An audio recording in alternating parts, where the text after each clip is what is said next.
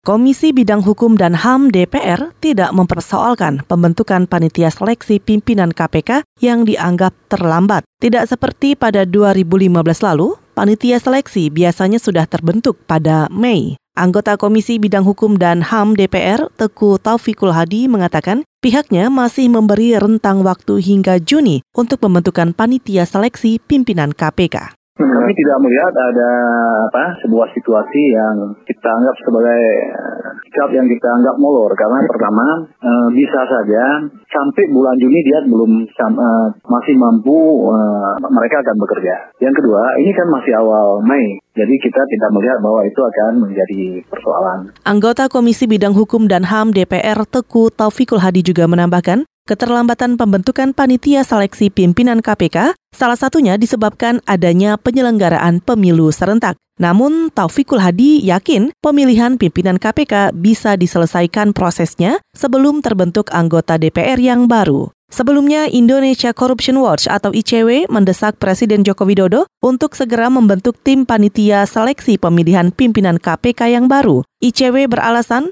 kalau pembentukan pansel berlarut, maka berdampak negatif pada kinerja pansel itu sendiri.